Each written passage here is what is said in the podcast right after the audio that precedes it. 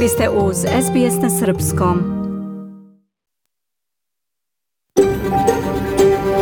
SBS, a world of difference.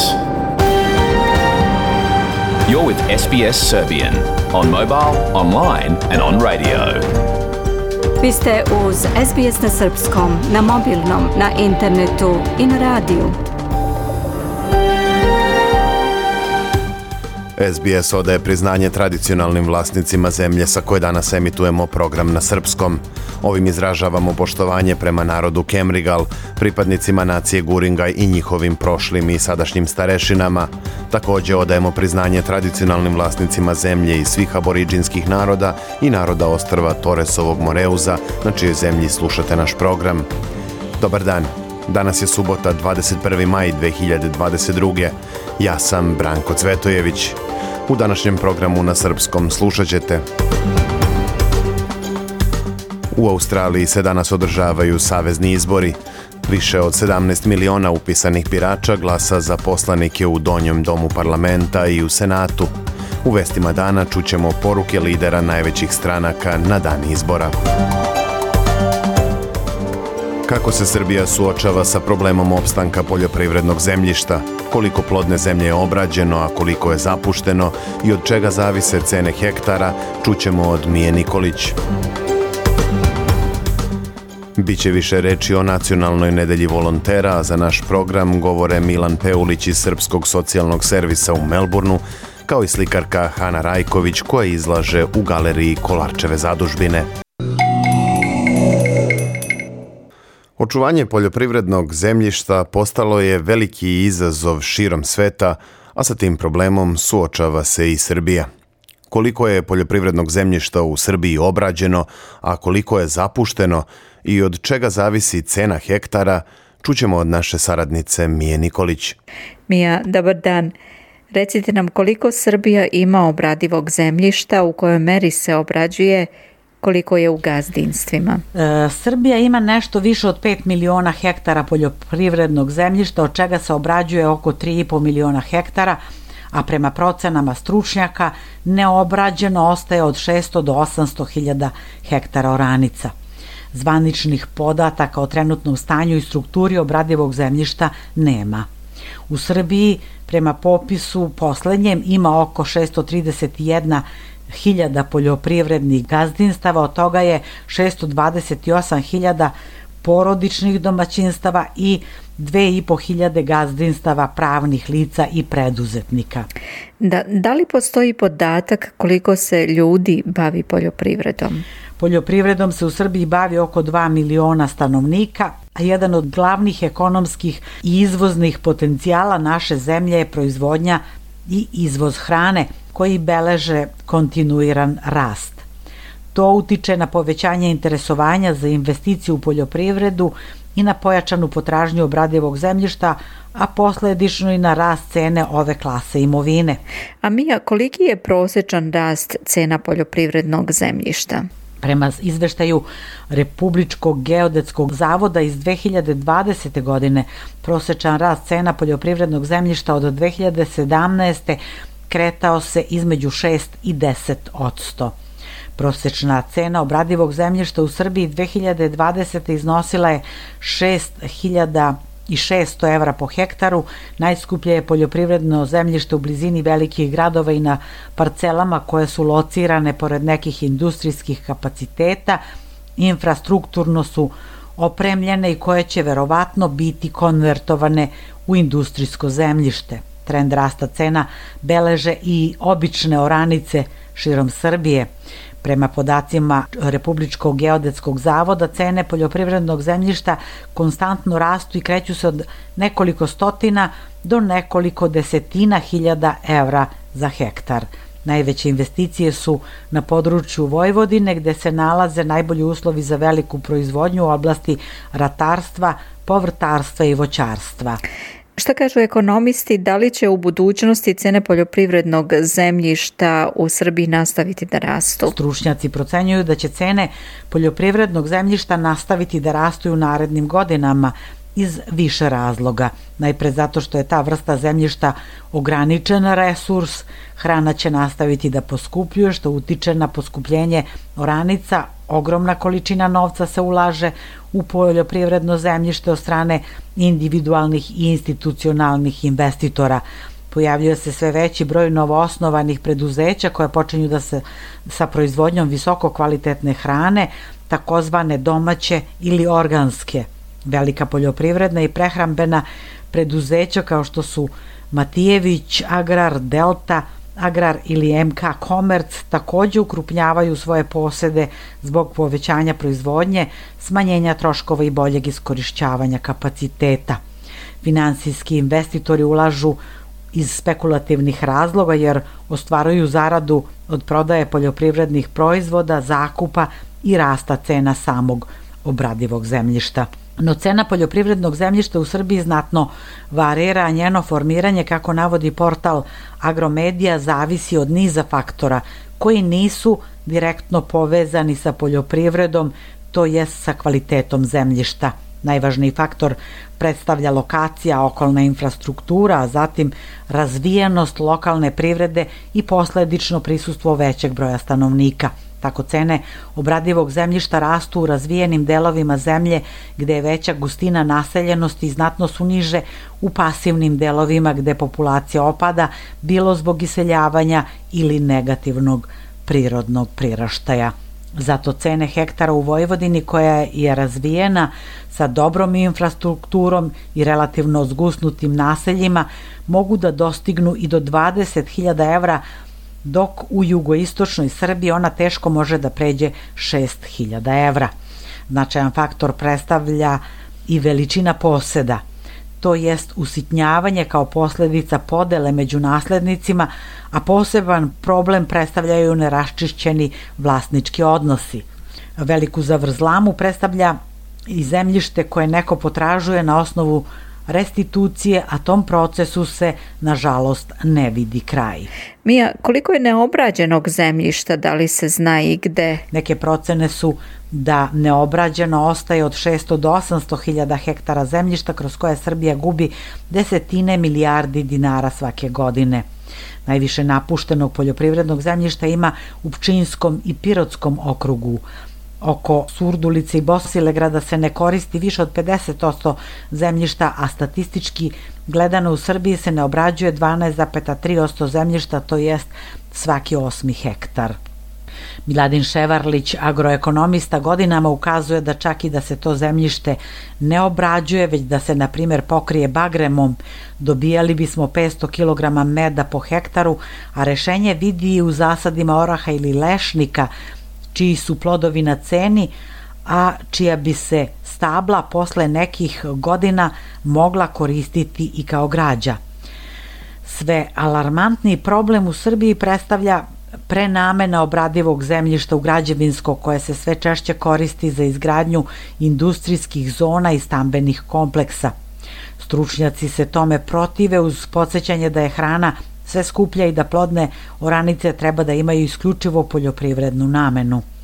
Građevinski konsultant Sima Stokić ukazuje da su ogromne površine zemljišta prešle na korišćenje u industrijske zone.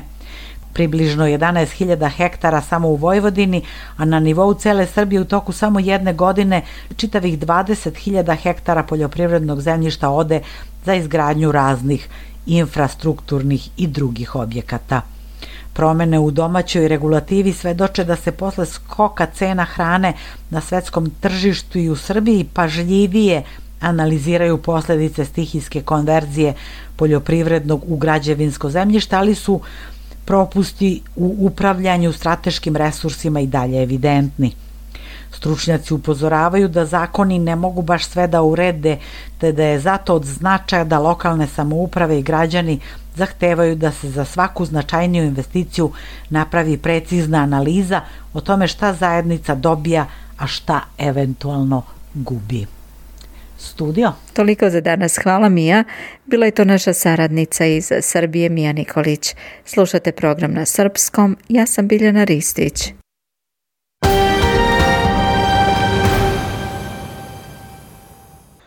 Izbor srednje škole često zna da bude veoma stresno iskustvo i za decu i za roditelje. Ali ako svi članovi porodice imaju na umu nekoliko ključnih stvari, njihov put kroz dostupne informacije može biti daleko lakši da zajednički donesu najbolju odluku za dete i za celokupnu porodičnu situaciju. Izbor prave škole je tema kojom se ove nedelje bavila Melisa Kompanjoni u najnovijem izdanju SBS-ovog vodiča za doseljenike. Poslušajte. Kada dođe vreme da se izabere adekvatna srednja škola za dete, porodice mogu da se suoče sa situacijama koje nisu nimalo lake. Derek McCormack, direktor organizacije Mreža za podizanje dece, objašnjava zašto izbor srednje škole može da bude toliko stresan. Kao razlog za tome Kormak navodi da postoji niz stvari koje porodice treba da razmotre, na primjer kako određene škole odgovaraju njihovim praktičnim potrebama, ali i ličnim vrednostima i opredeljenjima, zatim i kako škole odgovaraju njihovim nadama u akademski uspeh njihovog deteta. Pronalaženje informacija koje su predstavljene tako da se lako razumeju također može da bude izazovan zadatak, kaže Ross White, generalni menadžer organizacije Good Education. Postoji mnogo informacija kroz koje mame i tate potencijalno mogu da naprave razliku u odnosu jedne škole na drugu. Izazov međutim predstavlja to što su informacije često opširne i zaista komplikovane. Dakle, kada govorimo o akademskim rezultatima ili podacima naplana, čak i o brojevima mesta za upis, sve može da bude daleko složenije nego što sugerišu sama imena škola. Drugi izazov sa informacijama je da se obično predstavljaju na različite načine, na različitim platformama, kaže White. Organizacija Good Education objavljuje vodič za dobre škole, priručnik koji pomaže roditeljima da uporede škole u Australiji. Ross White kaže da na osnovu njihovog korišćenja vodiča Postoje četiri ključne oblasti o kojima roditelji zaista razmišljaju kada biraju srednju školu za svoje dete. To su cena, lokacija, učinak škole i njena prikladnost za njihovo dete. Uglavnom svi koji traže školu gledaju ta četiri pitanja. Mogu li fizički da dođem do škole, da li je prava lokacija, mogu li da priuštim tu školu, da li ta škola postiže dobre rezultate. Ovo pitanje znači inače različite stvari različitim roditeljima, dodaje White, i također kaže da je pitanje da li škola odgovara detetu. To može značiti pre svega kulturološku prikladnost ili da li odgovara specifično vašem detetu. Pitanje usklađivanja, odnosno da li se školska kultura uklapa sa vašim vrednostima, Zaista je važno kada razmišljate o upisu, kaže Derek McCormack. Da li preferiramo javno ili privatno obrazovanje? Kako nam izgleda kultura škole? Da li se poklapa s našom kulturom porodice? Na primjer, naglasak na akademskim postignućima ili politika nošenja uniformi? Da li postoji obavezan sport ili aktivnost vikendom? Porodice također možda žele da više članova porodice ide u istu školu ili možda postoji određena filozofija nastave za koju su roditelji zainteresovani i koja se dopada i njihovom detetu. Također na roditelje može da utiče i to koliko za njih znači versko obrazovanje i opredeljenje deteta u tom smislu može da ima uticaj na odluku. Jedan od važnih faktora svakako je ono za što deca mogu imati interesovanja, kao što su van nastavne aktivnosti ili što je najvažnije, prijateljstva i veze koje im znače pa bi zato želeli da idu u određenu školu. To je jedna od stvari koje bi roditelji zaista morali da razmotre, da slušaju svoje dete i da razgovaraju sa njim o stvarima koje su važne za njega. Australijske srednje škole se generalno dele u tri sektora – vladin, katolički i nezavisni. Mnoge porodice se odlučuju da pošalju dete u srednju školu svoje lokalne samouprave.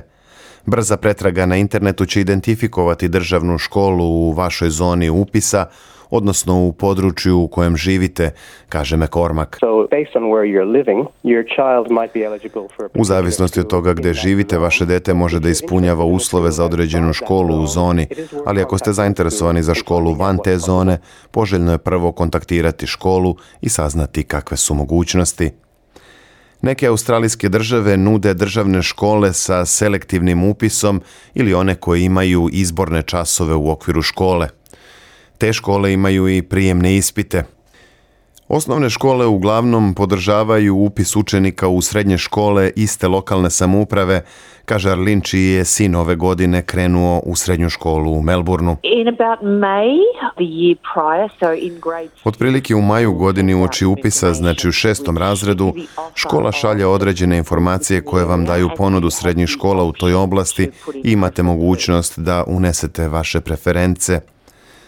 Postoje i specijalizovane srednje škole koje se fokusiraju na određene oblasti studija, kao što su kreativne i izvođačke umetnosti, zatim jezik, prirodne nauke i matematika ili sport.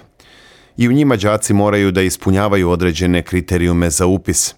I državne i nezavisne škole za đake sa posebnim potrebama podržavaju učenike s invaliditetom, zdravstvenim stanjima i poteškoćama u učenju. Nezavisne škole naplaćuju veće školarine od katoličkih škola, a troškovi variraju od ustanove do ustanove. S druge strane, državne škole traže dobrovoljne priloge. Online aplikacije kao što su Australijski školski direktorijum i stranica My School daju pregled škola prema kriterijumima za pretragu kao što su tip škole, lokacija, religija i da li je škola za jedan ili za oba pola dece. Na ovim stranicama možete pronaći i podatke o akademskom uspehu. Zabeležila je Melisa Kompanjoni u ovonedeljnom izdanju Vodiča za doseljenike. Slušajte SBS radio. Ostanite uz nas. Slušajte SBS na srpskom, na mobilnom, na internetu i na radiju.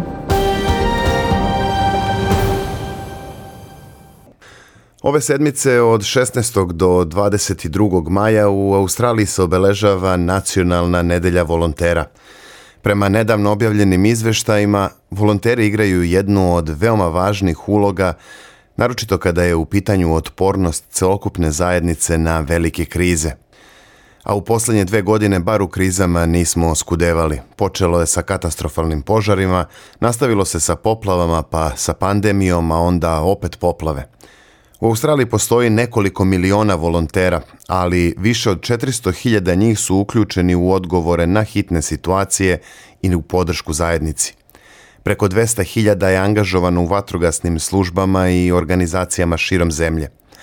Još oko 200.000 su oni koji su manje vidljivi dobrovoljci, ljudi koji rade za dobrotvorne i humanitarne organizacije ili za udruženja lokalnih i etničkih zajednica – Njihov značaj je ogroman pre svega zbog činjenice da pružaju razne vidove pomoći pojedincima i porodicama u zajednici kojima je to najpotrebnije, naročito za vreme ili posle kriznih perioda. Jedna od organizacija koje okupljaju značajan broj volontera je Srpski socijalni servisi i saradnja iz Melburna. Reč je o udruženju koje pruža društvene usluge osobama iz srpske zajednice kojima je pomoć neophodna. Gost našeg programa je Milan Pualić, koordinator Srpskog socijalnog servisa. Milane, dobar dan.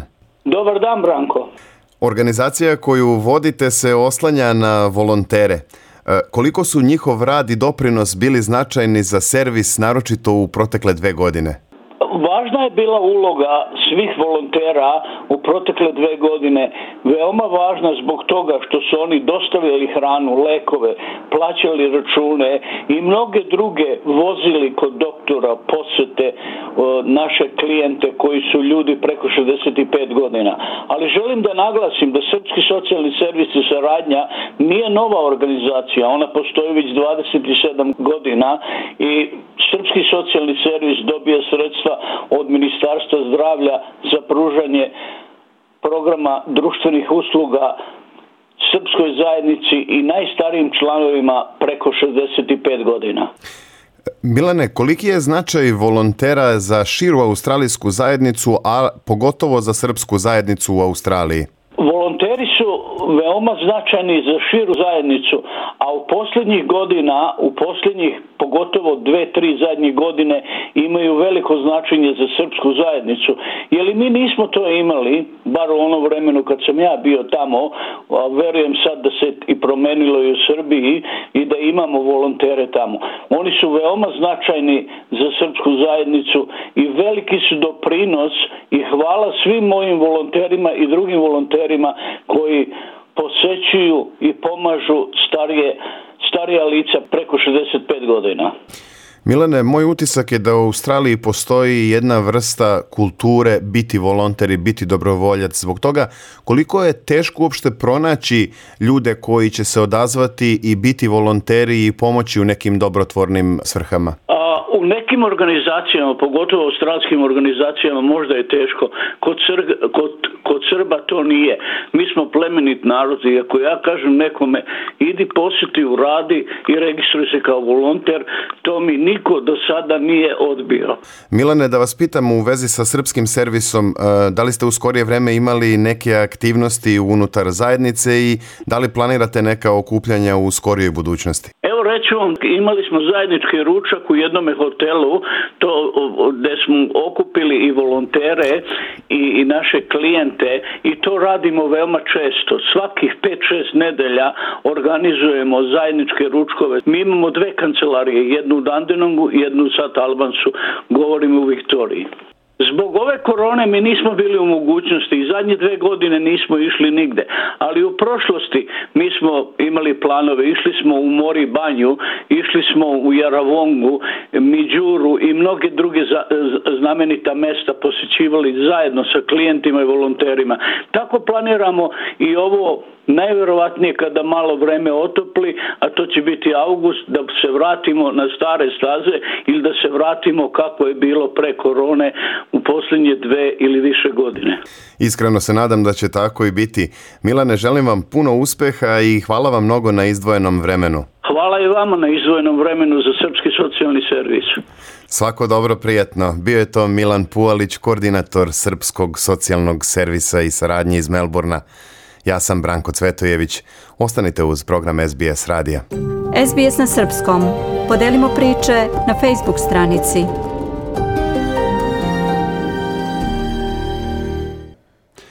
Naš dopisnik iz Beograda Hranislav Nikolić razgovarao je sa umetnicom Hanom Rajković, koja je od 2009. do 2015. živjela u Australiji i za to vreme održala tri samostalne izložbe – dve u Melbourneu i jednu u Brisbaneu.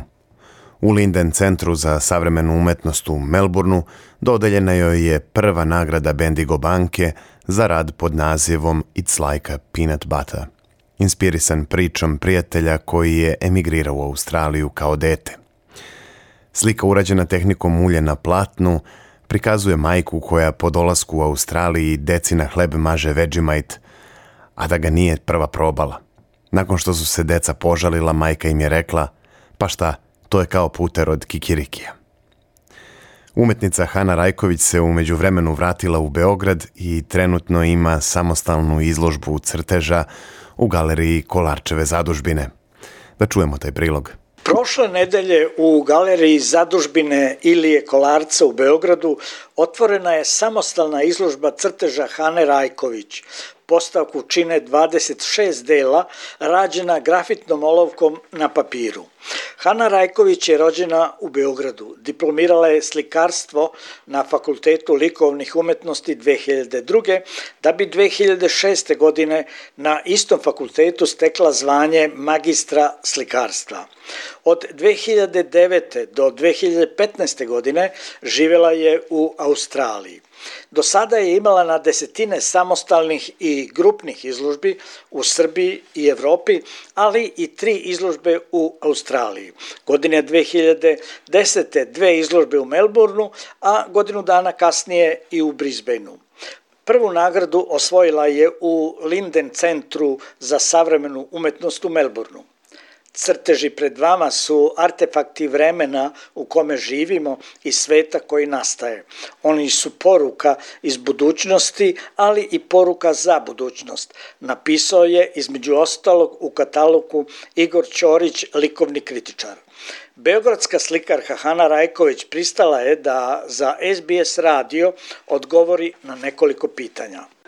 Gospođo Rajković, na ovoj izložbi publika može da vidi 26 vaših crteža rađenih grafitnom olovkom na papiru. Da li je olovka vaša omiljena tehnika? E, da, jeste. Ja moram da kažem da od kad sam počela da se bavim crtežom, o tome ima više od 15 godina, e, tada sam počela da koristim grafitnu olovku kao materijal i njoj ostala verna uh, u potpunosti zato što je to e, tehnika i materijal koji mi zapravo uh, odgovara mom umetničkom senzibilitetu i omogućava mi da u okviru nje istražujem uh, crtež koji mi je negde osnovna disciplina u mom stvaralačkom radu. Ona, ona je u stvari vrlo drevna tehnika, jako stara, vrlo jednostavna, ali daje neverovatne mogućnosti za izraz. I ja koristim jako širok dijapazon tih grafita, različitih mekoća, koristim taj papir koji je dosta um, osetljiv i upija grafit i tu ovaj, u tom procesu stvarno uživam i nalazim da je za mene kao umetnika jedna od najsavršenijih eh, materijala i tehnika, grafit. Koji su najčešći motivi na vašim crtežima? Da li su to pejzaži Srbije ili možda Australije, budući da ste živjeli u Brisbaneu? Dakle, motivi koji se, dakle, u toj jednoj seriji crteža koju radim neprekidno zapravo svih ovih godina, izdvajaju se i pejzaži i interijeri. Pejzaži su zapravo, ne mogu da kažem da su isključivo pejzaži Srbije ili Australije, to jesu nekakvi vanvremenski, neodređeni pejzaži koji crpe inspiraciju i u pejzažima ovde na ovom podneblju i naravno iz Australije gde sam živela u Queenslandu i um, u, u Brisbaneu. Dakle, moram da kažem da ja ono sve što vidim i doživljavam prenosim u te crteže i pejzaž jeste jedna od jedna od stvari kojima se bavim, ali definitivno je australijski pejzaž na mene uticao jako zato što je kada sam otišla da živim tamo bio nešto potpuno novo, uključujući i svetlost koja je u, u Australiji, odnosno naročito u tom subtropskom delu potpuno drugačije od ove naše evropske, uh, istočno-evropske svetlosti. To je jarko sunce, biljke, uh, senke koje potpuno drugačije padaju, izoštro, kada gledate pejzaž što je toliko oštro u odnosu na ovo ovde gde vi u Evropi, to je meni bilo jako čudno, vi vidite u nekom sfumatu stvari, tamo je sve perfektno uoštreno kao da ste uzeli neku najbolju kameru i onda do kraja uoštrili sliku. Tako da je Australija definitivno za mene bila jedna uh, onako vrlo snažna senzacija i utisak, životni mogu da kažem. Do sada ste imali na desetine samostalnih i grupnih izložbi u Srbiji, Evropi, ali i u Australiji. Učestvovali ste na dve grupne izložbe 2010. u Melbourneu i godinu dana kasnije u Brisbaneu. Kažite nam više o tim postavkama. Um, da, ja sam u Melbourneu izlagala uh, crteže, uh, dakle, iz ovih rani, ranije serijali, ove grafitne crteže, vrlo, to su bili vrlo slični crteži ovima koje možete vidjeti ovde. Uh, a u Melbourneu uh, sam, dakle ja jesam slikar po zvanju i završila sam slikarstvo na Fakultetu likovnih umetnosti. U Melbourneu sam u tom uh, Linden, Linden kulturnom centru izlagala ulja, ma, ulja na platnu, malog formata, zato što je to izložba, to je bio nagradni konkurs za mali format zapravo i e, tu sam napravila jednu e, manju sliku šaljivog sadržaja zapravo o tom životu u Australiji, ticalo se veđemajta i ovaj, kako deca doživljavaju taj, ovaj, tu namirnicu i na toj izložbi sam osvojila prvu nagradu za taj rad i to je ovaj, redko kad izlažem ulja i slike, ali taj put jesam. U Melbourneu ste osvojili prvu nagradu. U, u kojoj konkurenciji ste bili najbolji? Da, bila sam dakle najbolja u, kao što sam već rekla, u malom formatu ulje na platnu. Dakle, to je bila izložba uh, isključivo malog formata koju je organizovao taj Linden kulturni centar koja se održava svake godine i um, čini mi se da je to, je, to je bila uh, finansirana uh, novčana, dakle, nagrada je bila obezbeđena od strane Bendigo, Bendigo banke, koliko se sećam, i uh, to je onako godišnje vrlo zanimljiva izložba e, gde se prijavljuju umetnici iz cijele Australije, nije samo vezano za Melbourne. Ja sam se prijavila kao umetnik iz Brisbanea i tada sam osvojila tu E, nagradu i to mi je mnogo, mnogo značilo, zato što sam bila e, zapravo emigrant, e, neko koji došao, a u Australiju, a bio prihvaćen potpuno um, jednako kao i, ne znam, svi, sve ostale kolege odande.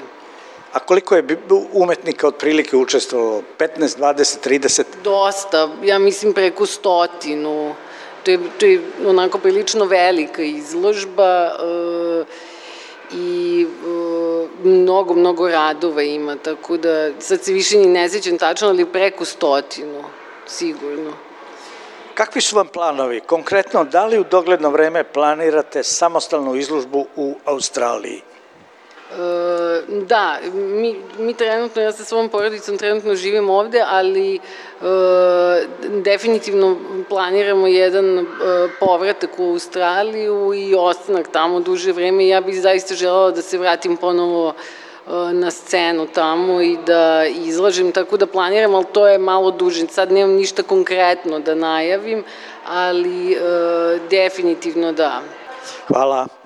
Izložba Hane Rajković u galeriji Kolarca traje do 28. maja. Iz Beograda za SBS radio Hranislav Nikolić. I ove subote deo naše emisije posvetit ćemo pravilima srpskog jezika. Srpski na srpskom preuzimamo iz programa Radio Beograda.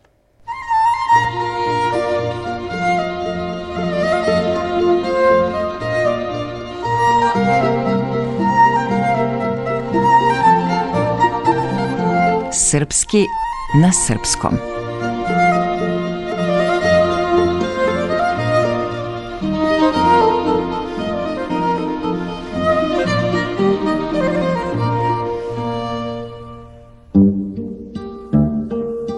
Prošle nedelje za ručkom kod mojih, negde oko Rinflajša, dok sam sisao piliću nogicu, počeše reklame i jedna od žešćih svađa moje majke sa televizijom. Šta oni misle? Da sam ja glupa? Lenja, neobrazovana, da ne znam engleski. Pa ja govorim tri strana jezika i učim četvrti. Kako im je samo palo na pamet da mi stari ne znamo šta su lozinke i kako se koristi internet? Čekaj, mala, probao sam da je smirim.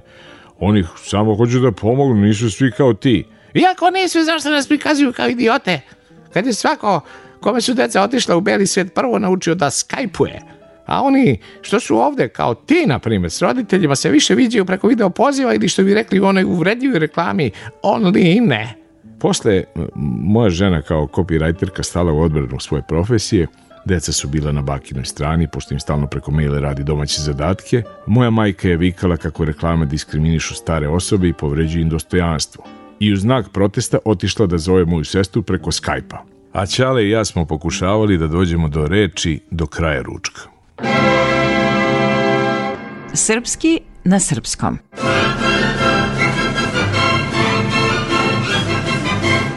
Copywriter piše oglasne ili promotivne poruke koje se na engleskom zovu copy. Domaću reč za ovo zanimanje nemamo, a mogla bi da posluži reklamopisac koja se ne koristi iako je sasvim prozirnog značenja. Pojednostavljen opis posla copywritera dopunjavamo rečenicom iz rečnika interneta u kojoj se kaže kako osoba koja se bavi tim zanimanjem posebnu ulogu ima u pisanju tekstova za online oglašavanje, marketing e-poštom, na web pretraživačima i društvenim medijima, da bismo naglasili da se internet piše malim slovom, da je online jedna reč kao i offline. Kad su deo polusloženice tipa online marketing pišu se s crticom, elektronska pošta može biti mail i e-mail, a u originalu se može pisati kad se navodi adresa, recimo u posetnicama ili u elektronskom potpisu maila. Nazivi društvenih mreža pišu se velikim slovom kao i različitih aplikacija kao što su Viber, Skype ili WhatsApp. I na kraju, podsjećanje da se početak upravnog govora u srpskom obeležava crtom ili takozvanim donjim navodnicima i da ne treba preuzimati model obeležavanja iz engleskog i drugih jezika gde su početni navodnici s gornje strane iskaza.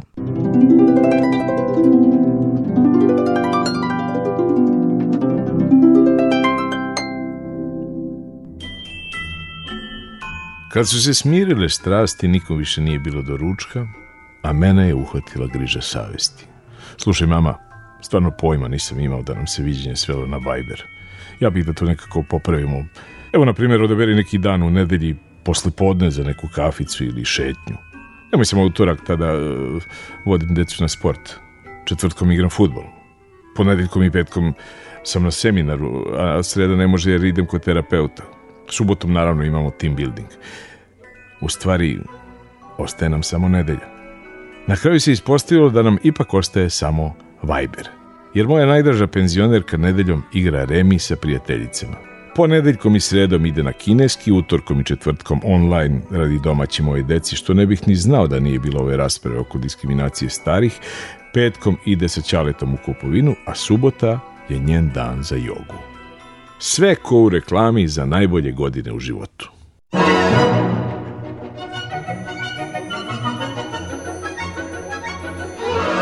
Srpski na srpskom pripremili i realizovali glumac Nikola Kojo, organizator Milena Borčanin, majstor tona Miroslav Živković i autor teksta i urednik emisije Mirjana Blažić.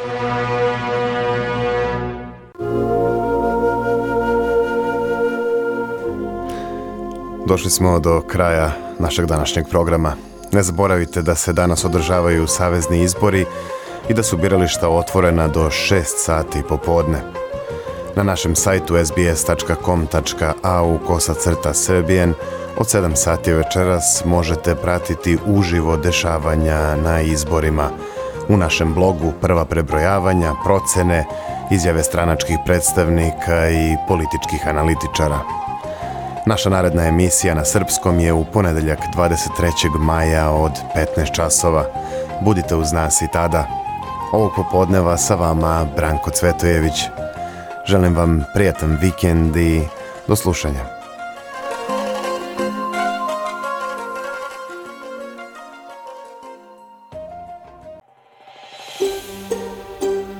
Želite da čujete još priča poput ove? Slušajte nas na Apple Podcast, Google Podcast, Spotify ili odakle god slušate podcast.